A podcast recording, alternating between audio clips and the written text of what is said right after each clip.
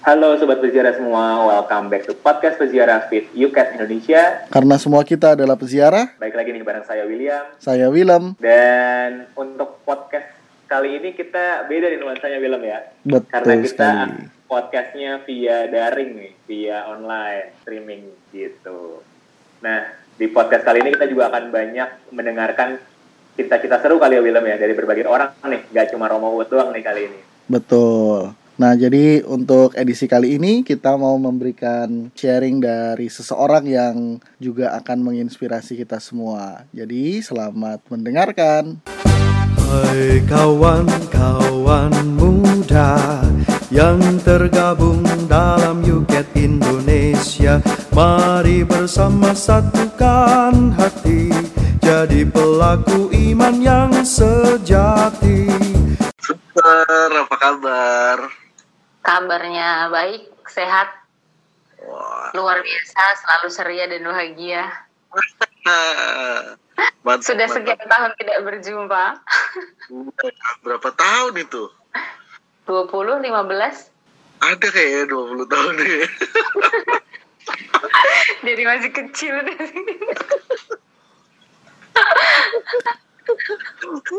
Diberikan lagi. Gimana kabarnya? Kabar baik, baik sekali suster. Terima kasih banyak. Hampir lupa, jangan-jangan salah alamat saya nih. Habisnya beda gitu. kan. Tapi suster jelaskan sesuatu nih, karena pagi tadi membuat sebuah kegemparan kecil di antara beberapa teman. Aha, Karena ada yang bingung, ini yang benar suster Oktaviani atau suster Yulita sih namanya? oke. Perlu dijelaskan sekarang ya? Iya, mungkin diawali dulu dengan suster menyapa teman-teman semua, lalu Oke. memperkenalkan diri, baru nanti dijawab pertanyaannya. Iya, baik. Terima kasih atas waktunya Mas William. Nama saya Suster Oktaviani FSGM.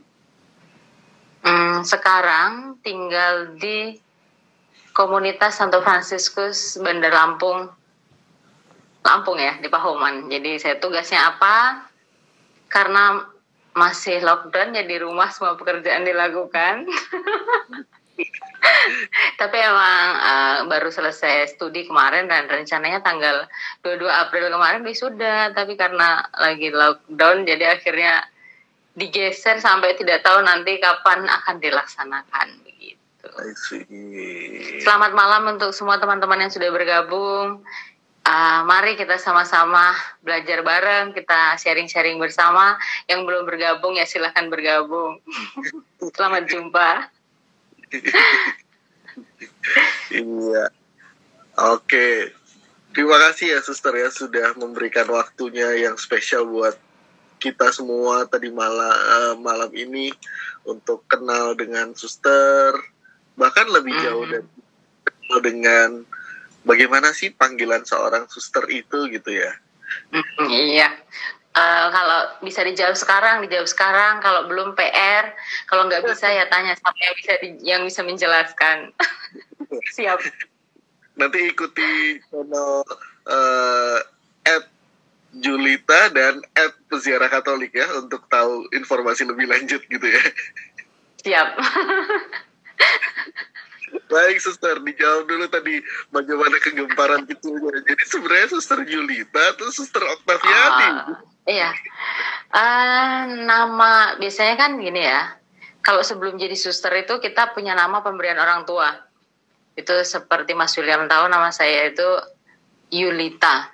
Yulita belakangnya ada gitu lah ya. Tapi kemudian jadi suster itu eh kami di FSGM itu mengambil nama seorang santa atau santo yang dari teladan hidupnya nanti kami berusaha menghidupi gitu ya. Jadi saya sendiri dulu juga biasanya kan kami kalau novi, eh, postulan itu diberi buku Santa Santo, San- Santa Santo suruh membaca, lalu kira-kira saya cocok yang mana, kemudian diajukan namanya.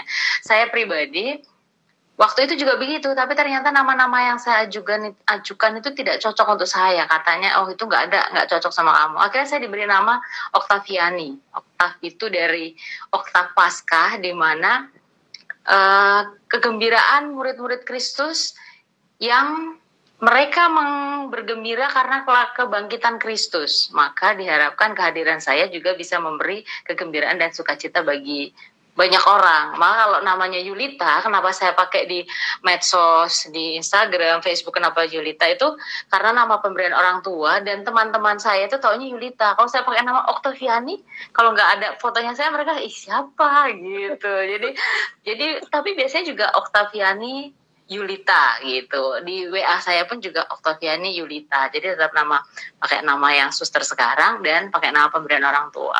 Dua-duanya benar begitu. Jadi itu bagian dari salah satu keunikan panggilan seorang suster ya, suster ya. Betul, betul. Ya. Di mana manusia lama bukan ditinggalkan, tapi bahwa ini menjadi bagian dari sejarah panggilan menjadi seperti yang sekarang ini. Jadi tidak ditinggalkan, tetap menjadi sejarah yang perlu dikenang dan disyukuri. Luar biasa. Nah, karena ini ada perubahan nama dan sudah dijelaskan tadi, ini menjadi penting nih pertanyaan dari dulu buat saya. Bagaimana sejarah panggilan seorang Yulita menjadi suster Octaviani? Jadi ini teman-teman yang udah bergabung ya, saya cerita. Jadi Mas William ini sebelum saya menjawab pertanyaan, Mas William ini dulu berada di dalam. Selain teman juga ada tingkat gitu ya, ada tingkat di seminari. Saya di saya di SMA Satrius, beliaunya Mas William ini di seminari. Dan ternyata satu paroki ya, walaupun Mas William ini orang kota gitu, saya ini orang Udi gitu, masih dua jam lagi. Kalau jalan tuh empat sendal jepit habis gitu gitu saya. Jadi uh, mungkin Mas William kenapa tertawa-tertawa karena tahu mungkin gak akan kebayang saya ini jadi suster gitu. Jangankan Mas William saja juga tertawa gitu kan. Tapi intinya bahwa saya mensyukuri bahwa uh, kebaikan Tuhan dan rahmat Tuhan yang diberikan kepada saya itu kiranya yang buat saya itu apa sih yang bisa saya persembahkan untuk Tuhan? Apa sih yang bisa saya berikan? Ternyata yang saya temukan hanya diri saya ini saja gitu loh. Jadi Tuhan mencintai saya Tuhan memberi segala kebaikan pada saya dan saya selama ini juga ketika seperti dulu Mas Bilang tahu begitu menikmati dan bahkan kadang uh, kayaknya lebih lagi artinya lebih lagi tuh ya nah, tahu lah gitu ya walaupun nggak spesifik seperti kakak-kakak tingkat yang tahu dulu saya seperti apa banget gitu kan. Nah tapi bahwa itu semua membuat saya oh Tuhan lalu apa yang bisa saya persembahkan untuk mensyukuri sebagai bentuk saya juga mencintaimu? Akhirnya saya temukan ya inilah diri saya gitu. Saya mau nyumbang terus saya bukan orang kaya gitu kan. Beda. Jadi sebagai persembahan dan ucapan syukur itu juga di luar bahwa waktu itu kenapa panggilan itu muncul kalau Mas Wilam tahu bagaimana kita dulu sering pergi ke ya ke gitu-gitu kalau kumpul dengan teman seneng ya seneng gembira. Tapi ketika saya kembali ke itu rumah yang di deket uh, kantor bos itu rasanya kosong. Apalagi saya sendiri kan. Saya rasanya kosong. Tuhan saya mau jadi apa gitu kan. Saya kok kalau sendiri begini rasanya uh, sepi. Selain sepi juga rasanya aku tuh mau ngapa gitu kan.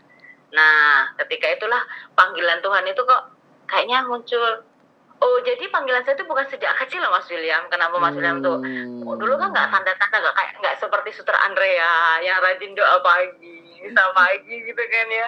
Seperti Miranda atau siapa sih dulu itu. Tapi kan saya enggak. Karena waktu itu SMA juga saya belum pengen gitu kan. Baru setelah kelas 3 itulah.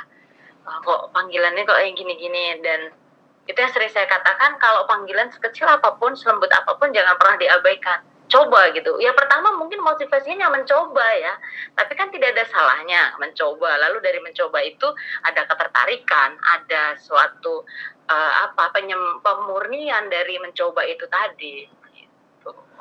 Kadang-kadang motivasinya hmm. dangkal, lalu kemudian kita murnikan ya. kembali gitu, suster ya.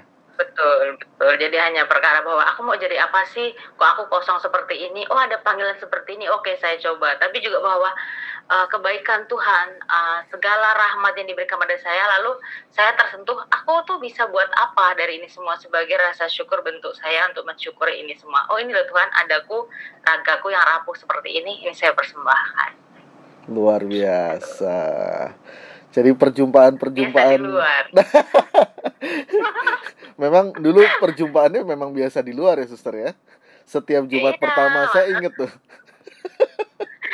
Pertama tuh itu pun karena terpaksa harus di absen nih lu kan ada absen ya tuh kalau enggak kabur. itu jadi kenapa Jumat pertama itu teman-teman dulu kami tuh uh, anak SMA Saverius itu kalau Jumat pertama harus bisa Jumat pertama di seminaris kapel seminaris. Yeah. nah kami yang Katolik saya itu merasa kayak kepaksa gitu. Karena apa? Selain nambah nilai juga di absen. Kalau nggak jujur saya nggak akan itu bisa. Tapi karena di, di absen ya udahlah saya berangkat gitu. Itu memang dangkal banget saya akui. Jadi ya udah terpaksa gitu. Itu awal-awalnya begitu bukan lalu rajin gitu Iya betul dan itulah biasanya momen di mana ketemu seminaris membahagiakan seminaris pun juga ketemu kami dan biasanya dulu Suster Yulita ini Suster Yulita, Suster Oktaviani ini dulu hmm. itu menjadi dirigen untuk apa misa-misa Jumat pertama untuk SMA Saveria sempat gitu. Eh, Sore biasanya. bukan, eh, salah ini. Oh bener kok. Ngomong aja eh nggak pernah saya beneran sumpah eh maaf bukan beneran nggak pernah salah kali saya, saya ingat pernah satu kejadian di mana ketika misa Jumat pertama itu karena saking malesnya Jumat pertama dari lantai tiga tasnya saya lempar supaya nanti saya bisa keluar gitu. Walah. Ternyata ketika ke bawah itu ada Pak Bardan di bawah itu terus saya diambil. Pak Subardan ya ampun. Jadi saya mau ngambil tas loh, tasku di tempat bapak itu. Pengalaman itu ya. Indah. Iya. Nah, suster ini sudah mulai banyak pertanyaan. Uh, ada satu pertanyaan yang sudah saya pin. Kita langsung mulai jawab-jawab aja ya, suster ya. Oke. Okay. Oke, okay. tadi iya. ya kalau belum bisa nanti saya catat saya udah siap nanti saya tanyakan pada yang bisa. iya, pertanyaan okay, pertama okay, nih kalau mau menjadi suster caranya gimana? Kalau Romo kan masuk seminari, kalau suster gimana? Hmm. Kalau suster pertama harus tahu dulu ya saya pengen masuk suster siapa gitu kalau nggak tahu pokoknya oh suster saya kok pengen jadi suster seperti yang itu ya udah datang aja ke suster itu gitu ya atau kalau nggak kenal sama suster sama bapak ketua lingkungan atau pastor atau siapa aja lah yang dikenal saya pengen jadi suster. Dan nanti biasanya kan dikenal dengan susternya lalu ya daftar di suster itu gitu. Suster saya pengen jadi suster? Misalkan nih uh, si Bonaventra Bonaventra ya. Pengen jadi suster sama siapa? Saya gitu. Ya udah bilang aja suster Okta saya pengen jadi suster? Nah dengan sendiri nanti saya akan membantu. Membantu itu artinya mengarahkan uh, mengenalkan dengan uh, susternya pembimbing aspiran atau bahwa ini lo ada calon itu pasti akan diantar. Jadi per, bagaimana caranya? Ya bilang disampaikan lalu mendaftar. Jadi ya harus jelas gitu ya kalau hanya pengen jadi memang karena kan kan banyak suster. Iya banyak. Jadi tergant uh, mau pilih mana? Kalau saya mau FSGM ya berarti nanti kalau kalau tadi kan seminari ya. Kalau kalau ya. FSGM ya kalau mau belajar jadi suster FSGM ya ke Pringsewu kalau mau jadi suster CB belajarnya di Jogja. Kalau HK di Metro gitu. Jadi nanti itu sendirinya dengan sendiri akan diarahkan begitu. Tapi minimal saya pengen jadi suster pengen jadi suster seperti yang mana. Maksudnya kan perkara dulu saya kan tertarik mungkin jubahnya. Ya, mungkin karyanya. gitu. Belum ngerti itu spiritualitas visi misi nggak ngerti. Pokoknya hanya lahiriahnya dulu. Oh aku pengen yang itu gitu iya begitu teman-teman mudah-mudahan terjawab ya kalau jadi suster hmm. itu ya menyesuaikan pada masing-masing kongregasi atau ordo dari suster itu pendidikannya maka nanti kalau sudah tahu mau jadi suster seperti apa silahkan kontak susternya lalu kemudian eh, dijajaki lebih jauh pendidikannya seperti apa ya. mudah-mudahan bisa menjawab nah sambil menunggu pertanyaan lain teman-teman silahkan kalau ada pertanyaan langsung diketik aja di kolom komentar uh, saya nambahin pertanyaan nih suster. Kenapa Boleh, ya, ya. menjadi suster FSGM adalah pilihan seorang Julita? Oke. Kalau frater inget dulu ada suster Theodora ya di. Bukan frater ini. Saya, bu- eh, saya pribadi bukan perkara hanya kenal suster FSGM. Ada suster HK juga, ada suster CB, beberapa suster. Tapi yang menarik bagi saya, karena waktu itu saya belum jadi suster, ada suster Theodora itu. Kalau kami olahraga pagi itu, ada suster Theodora itu dari susterannya mau ke ke sekolahan itu. Kalau hujan-hujan itu kan banyak comberan tuh. Nah saya tuh senang sekali bawa bola itu lalu ngenain comberan itu supaya comberan tuh ngenain bajunya suster Theodora. Astaga. Suster Theodora tuh yang baik. Gitu kan. Jadi ngusilin suster tuh seneng gitu kan. Nah, tapi susternya tuh kok nggak pernah marah dengan saya gitu kok. Ini susternya orang nggak pernah marah gitu kan ya. Ya udah habis itu malah beliau tuh senyum. Tapi saya pikir mungkin marah hanya mungkin caranya ya. Terus saya di- suatu ketika dipanggil ke kantor. Kenapa kok ini? Iya seneng aja suster gini-gini. Jadi saya dipanggil ke kantornya beliau itu ditanyain gini-gini. Oh nggak marah itu caranya. Saya sekarang saya baru mengerti bahwa cara mengolah emosi itu seperti itu ya cara pendekatan supaya saya tuh nggak nakal lagi gitu kan jadi kan nah dari perjumpaan itu yang membuat saya ini orang model apa sih? Saya udah kayak gitu kok nggak marah gitu kan. Iya. oh kok dia bisa ya? gitu. Nah itu buat saya tertarik bagaimana eh, belum belum belum tertarik. Akhirnya waktu itu kelas 3 ada eh, retret eh, rekoleksi di KM7 ya. Itu ada suster macam-macam kan. Jadi kan dikatakan kalau pengen kuliah ya harus ke sini.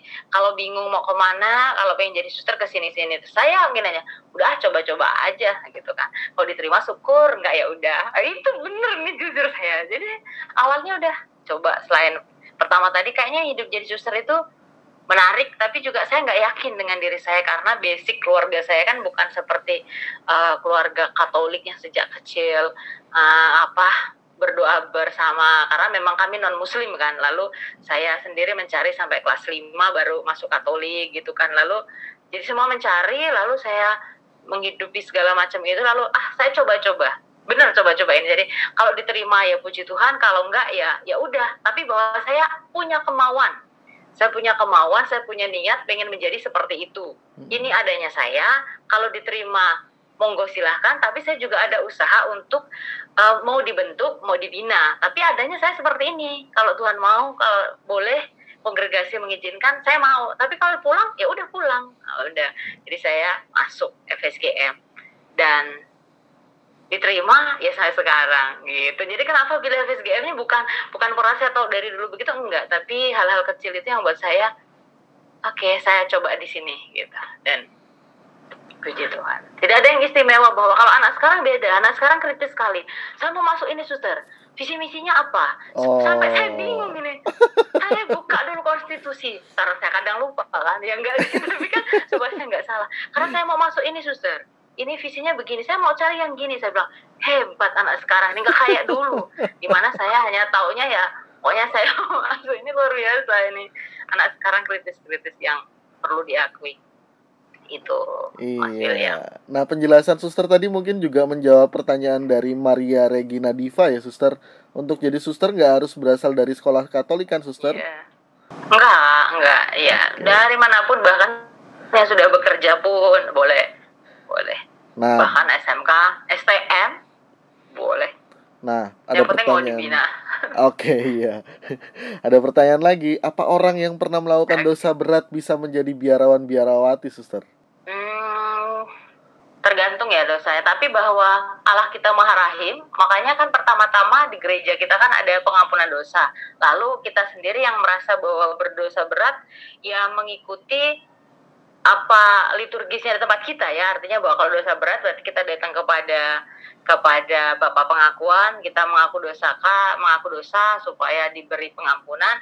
Baru nanti ketika masuk ke dalam biara terbuka terbuka dan jujur atas apa yang sudah terjadi dengan diri kita. Soal perkara bahwa nanti boleh atau tidak kan itu uh, juga tidak diputuskan sepihak. Ada pemimpin tarekat kongregasi bersama dewannya yang akan uh, dan bersama rahmat Tuhan tentu mereka tidak hanya memutuskan sendiri saya tapi berdoa bahwa ada calon sekian ini dengan kondisi seperti latar belakang ini bagaimana gitu. Jadi bukan hanya soal perkara boleh atau tidak boleh, tapi bahwa kita ketika mau masuk itu ada transparansi siapa saya, uh, bagaimana saya Hmm. hidup saya, masa lalu saya, ini loh Tuhan saya persembahkan. Iya. Gitu. Memang keterbukaan menjadi satu syarat dalam menjalani panggilan dan formasio ya suster ya. Iya. Karena kalau tidak kita juga susah untuk dibentuk kan. Betul. Iya. Dan kalau istilah orang Jawa kan selintat selintut itu juga nanti akan berat sendiri malahan kan Iya. dia menutupi segala sesuatu. Oke mungkin tahun pertama, kedua, ketiga masih sanggup, tapi selanjutnya apa iya gitu betul. kan? Betul. Nah, ada pertanyaan lagi dari Anjas unders- underscore JK. Suster mau tanya Hmm. kebutuhan hidup itu dapat dari mana? Apa harus bekerja untuk dapat uang? Oke, ini saya menjawab kapasitas suster FSGM saya ya, karena Iya. di masing-masing tarekat berbeda ya. Betul. Kalau di FSGM, ketika saya memutuskan untuk masuk FSGM, berarti saya melepaskan hak saya eh, atas diri saya dan saya menyerahkan diri saya pada Tuhan lewat kongregasi. Artinya, kongregasi juga memenuhi segala kebutuhan hidup saya sekarang dan masa mendatang.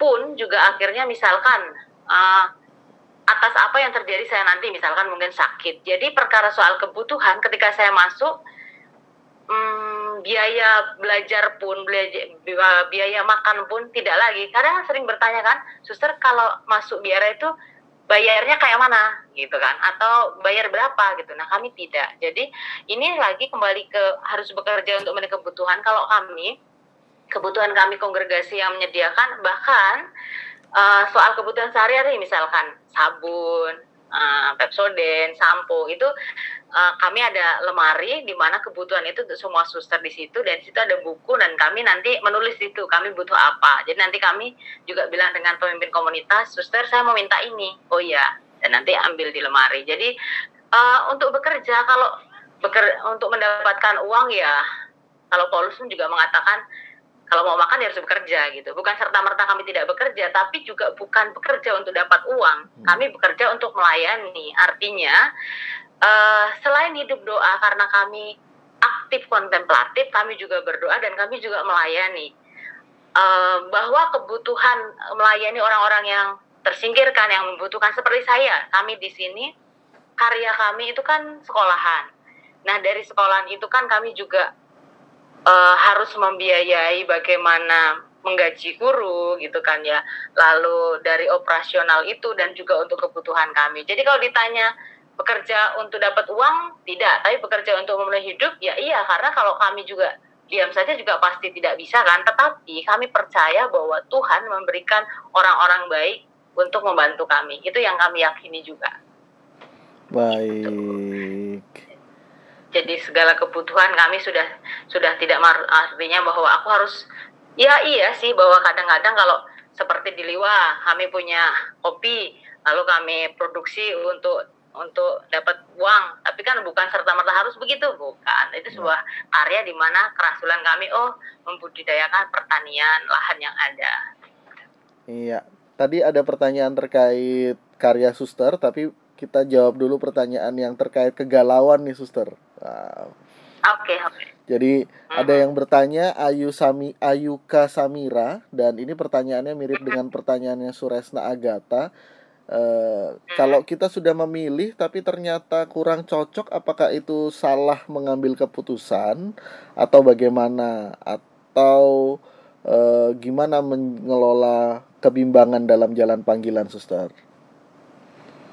Oke, pribadi eh, pertama, kadangkala saya tidak mau mengatakan bahwa salah pilih ya, tetapi dalam perjalanan waktu, eh, sebelumnya begini, kita harus tahu dulu bahwa yang saya pilih ini tanpa paksaan, tanpa tekanan, atau tanpa ikut-ikut. Itu dulu lah ya. Kalau pokoknya saya pengen jadi suster, karena sekarang kontaknya jadi suster, saya mau jadi suster, tapi saya kemauan sendiri, saya tidak dipaksa, saya tidak ikut-ikut, tapi saya sungguh dan ini sudah saya bawa dalam doa, sudah saya refleksikan segala macam gitu kan.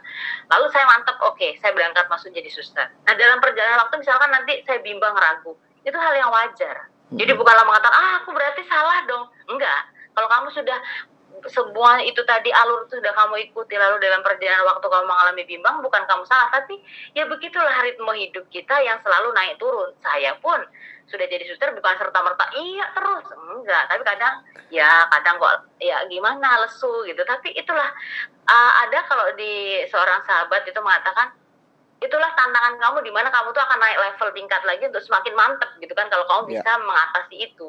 Jadi jangan lalu kendor tapi kembali lagi oh dulu aku tuh nggak ada yang maksa kok. Kok sekarang jadi kayak gini? Ya kencengkan lagi ikat pinggangmu supaya kamu yakin ini panggilan udah berdoa sama rahmat Tuhan gitu kan.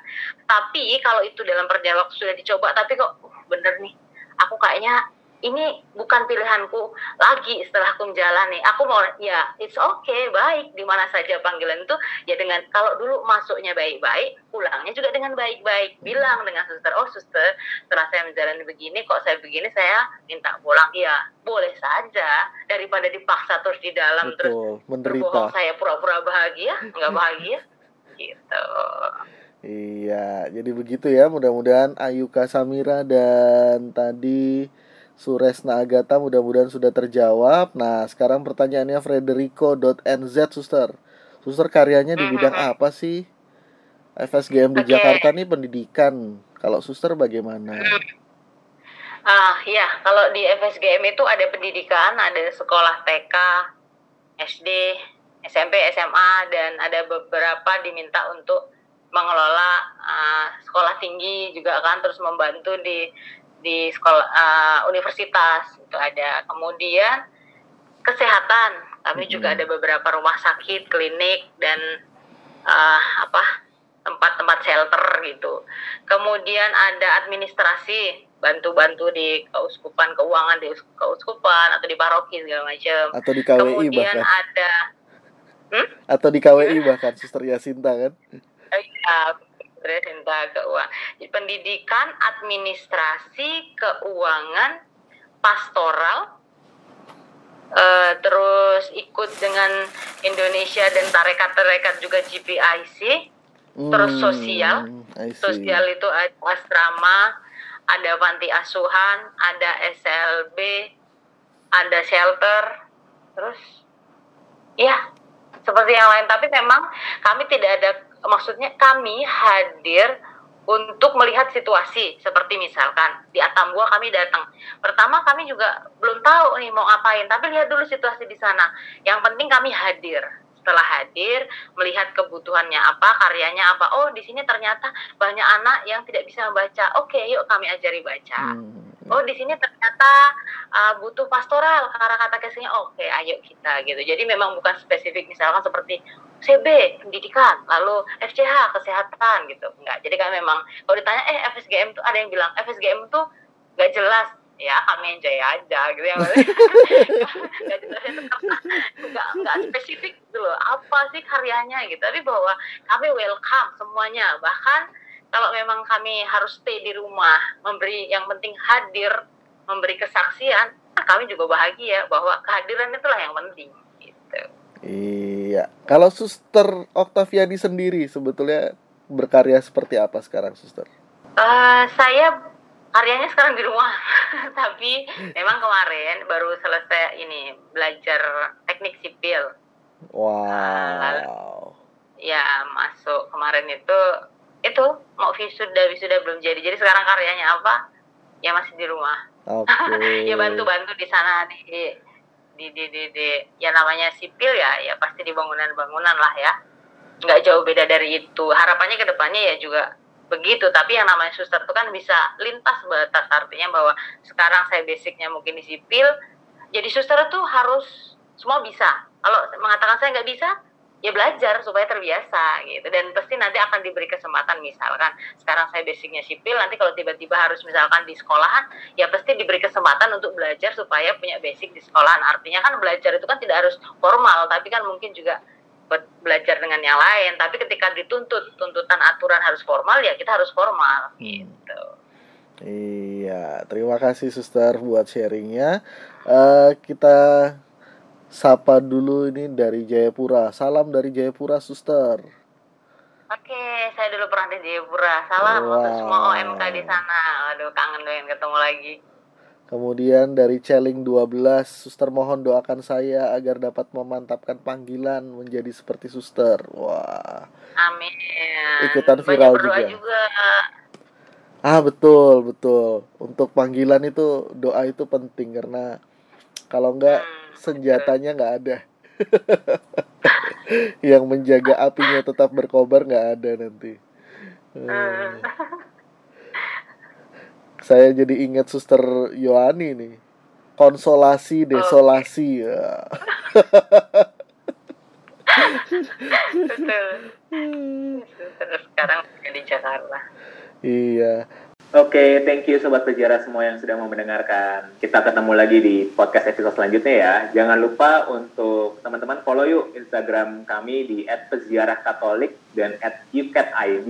Juga kalau teman-teman mau belajar tentang ajaran iman Katolik lebih kaya lagi, teman-teman bisa cek nih blog kami di peziarahkatolikid.blogspot.com atau ya dengerin podcast peziarah ini gitu. Jadi kita sama-sama belajar tentang kekayaan dan keindahan ajaran iman Katolik ya bareng-bareng. Iya, Kayaknya gitu betul aja kali ya sekali. Willem ya. Ya, oke. Kalau gitu saya William. Saya Willem. Thank you sekali lagi sudah mendengarkan. Bye.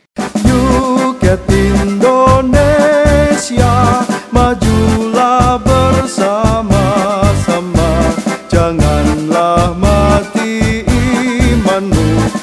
Dap dan dalam kata dan karya